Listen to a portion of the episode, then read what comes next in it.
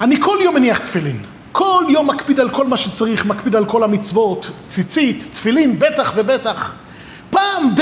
יוצא שאני נאלץ לפספס. ככה ניגש אל היהודי לפני כמה שבועות. הוא אומר לי, אני בטוח שהקדוש ברוך הוא יבין אותי, הרי אנחנו בני אדם, אנחנו לא מלאכים, יש לנו פשלות מבחינה הגיונית, קורה שפעם ב... אני לא יכול, לא יכול היום להתפלל.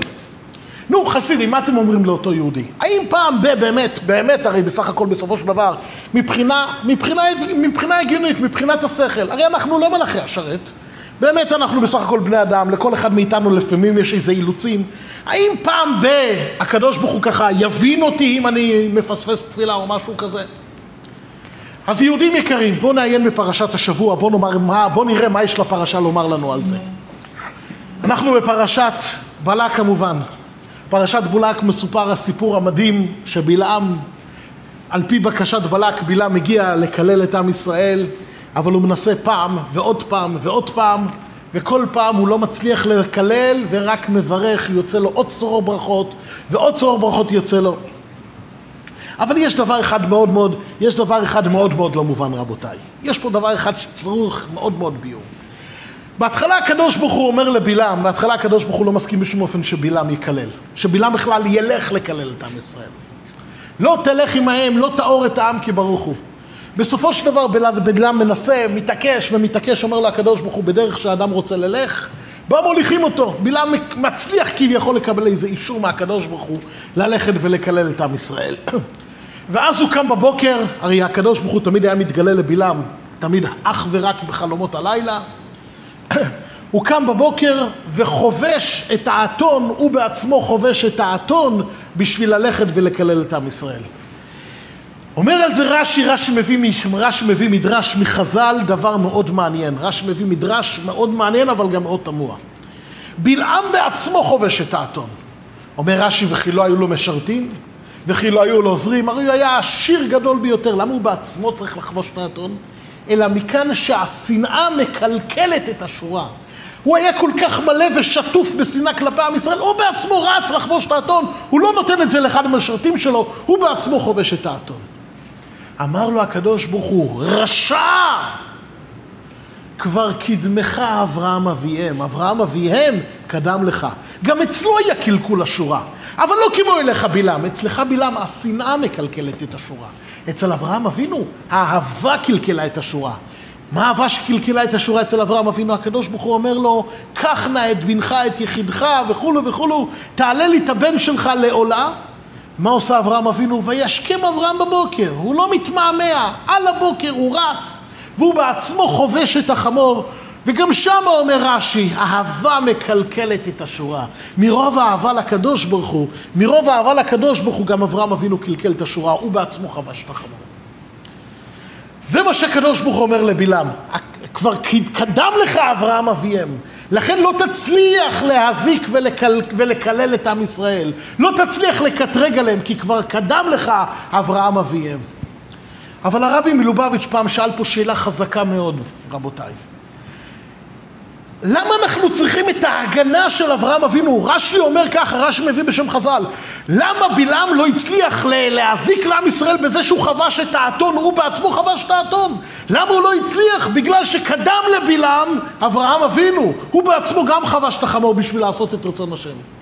למה אנחנו צריכים פה לאיזו הגנה מיוחדת? למה אנחנו, למה אנחנו צריכים את ההגנה של אברהם אבינו שיגן עלינו מפני זה שבלעם חובש את האתון? וכי זה שבלעם מלא ושטוף וגדוש בשנאה כלפי עם ישראל, אז אנחנו פתאום, בגלל שהוא מלא בשנאה, אנחנו נצטרכים פה לאיזה הגנה מיוחדת, להגנה של אברהם אבינו?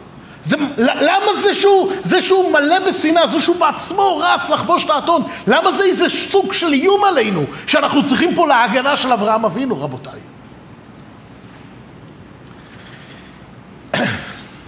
אלא רבותיי, בואו אני רוצה להזכיר איזה חסידים יקרים, אני רוצה להזכיר איזה סיפור שמובא בספר, בספר שמואל על דוד המלך. דוד המלך ברגע שהוא מתמנה למלך, הדבר שמעניין אותו בעיקר, הדבר שהכי הכי מעניין אותו, זה להעלות בחזרה את ארון ברית השם, להחזיר אותו למקום. זה בעקבות סיפור מאוד מאוד עצוב, שבאחת ממלחמות ישראל מול הפלישתים, הפלישתים, רחמנא ליצלן, לוקחים בשבי את ארון ברית השם. הפלישתים גונבים, לוקחים בשבי שוב את הארון, נשאר אצלהם תקופה מסוימת, בסוף הם מנסים להתפטר ממנו, מפחדים ממנו, הארון הזיק להם. בסופו של דבר הארון נמצא בקריית יערים. כשדוד המלך מתמנה למלכות, הדבר שמעניין אותו, הדבר העיקרי שמעניין אותו, להחזיר את ארון ברית השם מקריית יערים למקומו, למשכן שילה. כן, זה היה בתקופה שעדיין אין בית המקדש בירושלים, בית המקדש עדיין לא נבנה, והמשכן הזה היה, בית המקדש היה מה שנקרא משכן שילה. דוד המלך רוצה להחזיר את ארון ברית השם למשכן שלו. הוא אוסף את כל עם ישראל, שמחה אדירה, כתוב שם שדוד המלך בשמחה עצומה מעלה את ארון ברית השם בחזרה למשכן שילה. איך שכתוב שם בנביא, דוד מפזז, מפזז ומחרקר בכל עוז. דוד המלך שמח ושימח את כל עם ישראל בשמחה של השם, בשמחת התורה, בשמחת ארון ברית השם. שמחת ארון ברית השם שחוזר סוף סוף למקום. אבל בהמשך מסופר שדוד חוזר הביתה ושם מחכה לו איזה שפכטל רציני. אשתו, אחת מנשותיו הרי הייתה מיכל בת ביתו של, ביתו של שאול המלך. כן, מיכל בת שאול, כשדוד המלך חוזר הביתה, היא אומרת לו, וואו, איזה יופי, איזה נחמד זה היה לראות את מלך ישראל רוקד ברחובות, משתתה ברחובות, מבזה את עצמו מול כל העם היהודי ומול השפחות שלו כביכול. אומרת לו מיכל בת שאול דוד המלך, אתה לא יודע שאתה מלך ישראל? מה אתה משתתה ברחובות? כשאתה משתתה ברחובות אתה בעצם מזלזל בכבודו, בכבוד מלכות ישראל. ועונה לה פה דוד המלך, עונה לה פה תשובה מאוד מאוד לא מובנת. כשאתה קורא את הנביא בהשקפה שטחית, התשובה מאוד מאוד לא מובנת, רבותיי. כן? אומר לה דוד המלך, נכון, אני רקדתי ברחובות, פיזזתי וחרקרתי, אבל רקדתי לפני השם. רקדתי לפני השם אשר בחר בי מאביך. רקדתי לפני השם שהחליט לבחור בי ולא באבא שלך. יהודים יקרים, כשאתה קורא, את, ה, אתה קורא את, ה, את הנביא כפשוטו, זה נראה שדוד המלך מאוד נפגע, הוא לקח קשה את הדברים של מיכל בת שאול. הוא כל כך שמח וחזר הביתה והיא הרסה לו את המצב רוח. מה ביזית את עצמך? מה השתגעת ברחובות? מה, מה, מה, מה, מה הקלת את עצמך מול שפחות, מול המאות עבדיך? נראה שהוא נפגע, לקח את זה קשה והוא מחזיר לה. כן, כן, גברת, אל תשכחי שהקדוש ברוך הוא בחר בי ולא באבא שלך. אבל יהודים יקרים, כל אחד מבין שלא זה הדו-שיח של דוד המלך. דוד המלך אחד מרגלי המרכבה של הקדוש ברוך הוא. היעלה על הדעת שזה הדו-שיח שלו עם אשתו? ויעלה על הדעת, וגם אם אנחנו רוצים להיות טיפשים ולחשוב שבאמת, כן, זה השיחה, זה היה, זה היה הדו-שיח בינו לבין מיכל בת שאול, היעלה על הדעת שאין לנביא מה לכתוב רק את הדברים הללו? איזה דו-שיח מטופש חס ושלום שהיה בין דוד למיכל. אלא יהודים יקרים, דוד המלך לא נפגע כלל, אלא דוד המלך מסביר את התנהגותו, מסביר את כל עבודת השם שלו, את סדר עבודת השם שלו, לאשתו מיכל בת שאול. מיכל בת שאול הרי הייתה צדקת גדולה, היא הייתה צדקת בת צדיק גדול מאוד. אבא שלה, מי זה היה אבא שלה? הרי שאול המלך, משיח השם. בן שנה שאול במולכו, ככה מובא בנביא. בן שנה, שואלים חז"ל, נו באמת, בן שנה שאול במולכו? הוא כבר היה עם מוצץ או בלי מוצץ. מה, מה זה בן שנה שאול במולכו? אומרים חז"ל, ודאי שהוא היה מבוגר, בשנים הוא היה בוגר, אבל כמו שילד בן שנה אין לו שום חטא, ככה שאול המלך היה צדיק כל כך גדול ללא שום חטא, נקי לחלוטין. שאול המלך היה צדיק ומשיח השם, הקדוש ברוך הוא בחר בו למלוך על העם היהודי. נו, אז למה הקדוש ברוך הוא מאס בו אחרי זה? למה הקדוש ברוך הוא מאס במלכות שאול והקדוש ברוך הוא אמר, הקדוש ברוך הוא אומר לו, נתנה לרעך הטוב ממך, הקדוש ברוך הוא קרע השם את ממלכות ישראל ממך. הוא נתנה לרעך הטוב ממך, למה הקדוש ברוך הוא לוקח ממנו את המלוכה והיא לא עברה לבניו אחריו? אלא שאול המלך, על אף שהוא היה צדיק גדול מאוד מאוד, אבל לא עבד את הקדוש ברוך הוא על פי כללי ההיגיון שלו. דוד המלך עבודת השם שלו הייתה למעלה מכל הגבלה, למעלה מכללי השכל, למעלה מהיגיון רבותיי, למעלה מהיגיון. איפה אנחנו רואים את זה? בסיפור המפורסם, אנחנו קוראים את זה כל שנה לפני פורים. בסיפור של הפטרת פרשת זכור. הקדוש ברוך הוא שולח את שמואל לדוד, לשאול המלך, ואומר לו, לך תגיד לשאול, הגיע הזמן להשמיד את עמלק. הגיע הזמן לקיים את המצווה, זכור את אשר עשה לך עמלק, תמחה את זכר עמלק מתחת השמיים. צריך למחות את עמלק, רגע, רגע, רגע, אבל לא רק את האנשים. לא רק את האנשים, נשים וטף של עמלק. אצל עמלק צריך להכרית גם את הבהמות. כמו ששמואל אומר לו בשם הקדוש ברוך הוא, מגמל ועד חמור, מישור ועד צה, צריך להכריז גם את הבהמות של עמלק. שאול המלך אוסף את עם ישראל למלחמה ויוצא למלחמה קשה מול עמלק ומכרית כמעט את כל עמלק, חוץ מהגג, זה נשאיר את זה לפעם אחרת בעזרת השם, נשאיר את זה לפעם אחרת ומתוך שמחה, בעזרת השם. נעזוב כרגע את הגג, אבל כמעט את כל האנשים של עמלק הוא משמיד. וכששאול פוגש את שמואל הוא מבשר לו בשמחה, הקימותי את דבר השם. קיימתי את מה שהקדוש ברוך אמר לי, השמדתי את כל האנשים של עמלק. עונה לו שמואל, ומה הקול הצאן שאני שומע? מה עם הבהמות הללו של עמלק? אני רואה שאותם לא השמדת. אומר לו שאול, נכון, את הצאן חשבתי, חבל להשמיד אותם. אפשר להקריב ולעשות מזה קורבן מאוד מאוד, קורבן נעלה לקדוש ברוך הוא. קורבן, אתם יודעים מה זה קורבן. אומר הזוהר הקדוש, רזה דקורבנה עד רזה דאין סוף. סוד הקורבן מגיע עד אין סוף, אין לנו מושג איזה נחת רוח. על כל הקורבנות כתוב ריח ניחוח להשם. תשימו לב חסידים, לא על כל מצווה. ציצית זה מצווה, ברור שהיא גורמת לקדוש ברוך הוא נחת. כל אחת מתרג מצוות גורמת לקדוש ברוך הוא נחת. אבל הביטוי ריח ניחוח להשם נאמר על מה? נאמר דווקא על הקורבנות. אומר שאול המלך, אומר שאול המלך לא חבל, למה להשמיד אותם? בוא נעשה מזה קורבן לקדוש ברוך הוא. אומר לו שמואל הנביא, חסידים, אומר לו שמואל הנביא, הקימות את דבר השם? מאסת את דבר השם. לא הקמת את דבר השם, מאסת את דבר השם. אל תכניס את הסברות שלך בתוך דברי השם. קיבלת ציווי, תעשה אותו. אל תתחשב בגבולות השכל. את הקדוש ברוך הוא צריך לעבוד מעל השכל. נעשה ונשמע זה תנאי ראשון לקבל את התורה. נעשה, דבר ראשון נעשה, אחרי זה ננסה להבין. אבל דבר ראשון עושים יהודים יקרים. אוי ואבוי אם אנחנו עובדים את הקדוש ברוך הוא. אוי ואבוי אם אנחנו עובדים את הקדוש ברוך הוא אך ורק על פי כללי השכל. דוד המלך אומר על עצמו, דוד היה בניגוד גמור לשאול. דוד המלך היה בניגוד גמור לשאול. איך דוד עובר את הקדוש ברוך הוא? דוד אומר, דוד עובד את הקדוש ברוך הוא, איך הוא אומר בתהילים? ואני בר, בתהילים פרק ע"ג, אומר דוד המלך, ואני בר ולא אדע. באימות הייתי עמך. רבינו יוסף יצחק מלובביץ', הרבי השישי לחב"ד, הוא הסביר את זה פעם, דוד המלך אומר, אתם יודעים למה אני מאוחד עם הקדוש ברוך הוא? בגלל שאני בר. בגלל שאני לא אדע, בגלל שאני באימות, שוב, אני בר, לא אדע, באימות אני בר. לא יודע, לא שדוד המלך, חס ושלום, דוד המלך היה אדם, תלמיד חכם אדיר ביותר. אבל הוא אומר, בכל מה שקשור לקדוש ברוך הוא, אני בר, אני, מה אני מול הקדוש ברוך הוא? אני לא מבין כלום. בר, לא אדע, כביכול כמו באימה ממש. תנסה להסביר לבהמה ששתיים ועוד שתיים זה שווה ארבעה. יצחק, תנסה להסביר לאיזה כבש ששתיים ועוד שתיים שווה ארבעה, נכון? בהמה לא מבינה יותר מדי. גם היא מבינה, היא מבינה איך להשיג אוכל ותו לא, אבל איזה משהו שלא קשור, משהו אובייקטיבי שלא קשור אליה, בהמה לא מסוגלת להבין. דוד המלך אומר, אני בר בכל מה שנוגע לקדוש ברוך הוא, אני בר ולא אדע, ובהמות, ולכן הייתי עמך, ולכן אני מחובר איתך, רבותיי. דוד המלך, איך הוא אומר בספר שמואל ב', אם הקדוש ברוך הוא יאמר לי, בך חפצתי, אני רוצה אותך, מה אני אגיד? הנני. ואם הקדוש ברוך הוא יגיד, לא חפצתי בך, אומר דוד המלך, מה אני אענה לו? בדיוק את אותה התשובה, הנני.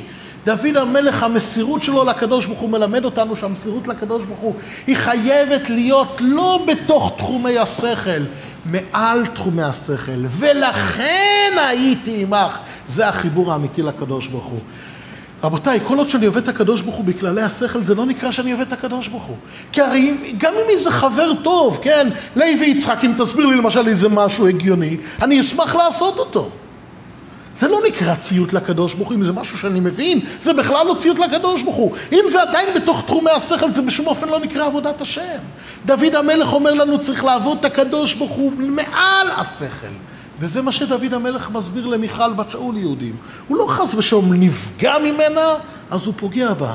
תאמינו לי, הם היו קצת יותר נעלים. דוד המלך שוב היה אדם הרבה הרבה יותר נעלה ממה שנראה לנו. דוד המלך מסביר למיכל, הוא אומר לה, כי מיכל בת שאול לא הבינה למה דוד המלך רוקד בכזאת צורה, למה הוא מפזז ומחרקר. היא הבינה שצריך לשמוח עם התורה. היא הבינה שכל מצווה משמחת, ובטח זה שאהרון ברית השם חוזר למקום הטבעי שלו, ברור שזו שמחה עצומה. ברור שזו שמחה גדולה. היא אומרת, נכון, זו שמחה. אבל שוב, בתוך תחומי ההיגיון, יש לזה גבול כמה צריך לשמוח. לא צריך לפזז ולחרקר ולהשתגע בכזאת, בכזאת צורה, בכזאת התלהבות שפורצת גבולות. אומר לה דוד המלך, מיכל אשתי היקרה, את צודקת, בהתאם לחינוך שאת קיבלת, את צודקת. את קיבלת מהבית שעבודת השם היא בתוך תחומי השכל. אבל למה הקדוש ברוך הוא בחר בי ולא באבא שלך? מיכל, מיכל היקרה, למה הקדוש ברוך הוא בחר בי ולא באבא שלך? בגלל שהוא רוצה מישהו, רוצה מלך כזה שעובד את הקדוש ברוך הוא מעל כללי ההיגיון. נו, וכי את רוצה שגם אני אכנס לתוך תחומי השכל? את רוצה שגם אני כביכול אאבד את המלוכה? כל המעלה שלי זה שאני אביא את הקדוש ברוך הוא למעלה מההיגיון, למעלה מהשכל. וזה בדיוק מה שעל פי זה הסביר הרבי מלובביץ', הרבי, הרבי שלנו. ששבוע שעבר ציינו את יום ההילולה שלו, את יום ההילולה 29 של הרבי, האוהב כל ישראל. אומר הרבי, בלעם הרשע ידע שהוא לא מצליח לקלל את עם ישראל. אבל בלעם היה רק, לא רק נביא, יהודים יקרים. שומעים חסידים, שומעים, הוא היה גם קוסם. אנחנו רואים כמה פעמים שהוא גם מנסה שהברכה, חס ושלום, שהקללה חס ושלום, תחול על עם ישראל גם ללא הנבואה שלו. מי שזוכר, כתוב ככה שהוא, בהמשך הפרשה כתוב, וישת אל המדבר פניו. הוא מביט לכיוון המדבר. בלעם מביט לכיוון המדבר. מה הוא מביט לכיוון המדבר? אומר רש"י, תעיין בתרגום, הוא מסתכל על העגל, כביכול הוא מנסה להזכיר את חטא העגל. הוא מנסה שהברכה תחול מאליה, ש, סליחה, שהקללה חס ושלום תחול מאליה על עם ישראל, יהודים יקרים. כן? גם פה בלעם מנסה, בזה שבלעם חובש את החמור בעצמו, זה לא סתם חבישת את החמור, זה לא סתם קלקול השורה. הוא מנסה כביכול לשדר משהו למידת הדין. הוא מנסה לקטרג בפני בית דין של מעלה על עם ישראל. הוא מנסה שוב שיחוש שחס ושלום קללה תחול על עם ישראל. איך הוא מנסה, מה הוא עושה פה בעצם? הוא אומר, גם עם ישראל קלקלו את השורה. הוא כביכול פונה לקדוש ברוך הוא אלוקים, למה אתה כל כך אוהב את העם היהודי? מה הם כל כך, מה אתה מתלהב מהם? כמה פעמים הם קלקלו את השורה? למשל יהודים יקרים, בואו ניקח את חטא העגל. תגידו לי, זה לא קלקול השורה? כן? הגמרא במסכת שבת, הגמרא במסכת שבת מדמה את זה, את החוצפה הזאת לעשות עגל מול הר סיני באמצע הטקס של מתן תורה, כי הרי, כי הרי איפה משה רבינו היה? הוא עלה לקבל את הלוחות הברית, הוא עלה ללמוד תורה מפי הקדוש ברוך הוא בשביל למסור לנו. באמצע טקס מתן תורה אנחנו עושים עגל, אומרת הגמרא, יש, גמרא מדמה את זה, יש לפעמים שהשם ישמור רחמנא ליצלן אישה מזנה והולכת למישהו אחר. דבר הכי חמור שיכול להיות. אבל בכל זאת יש עוד יותר חמור. עלובה, ככה אומרת הגמרא, עלובה קלה מזנה בתוך חופתה. השם ישמור, תארו לכם שהכלה עושה את הזנות הזאת באמצע החופה שלה. עוזבת את החתן שמקדש אותה עכשיו והולכת למישהו אחר. כביכול ככה אנחנו גם היינו נראים. כן, באמצע החופה, משה רבינו עולה לקבל את לוחות הברית, ואנחנו לוקחים איזה עגל מזהב ומכריזים לפניו, כן, כן, אלה אלוהיך ישראל אשר העלוך מארץ מצרים. יש קלקול השורה יותר מזה?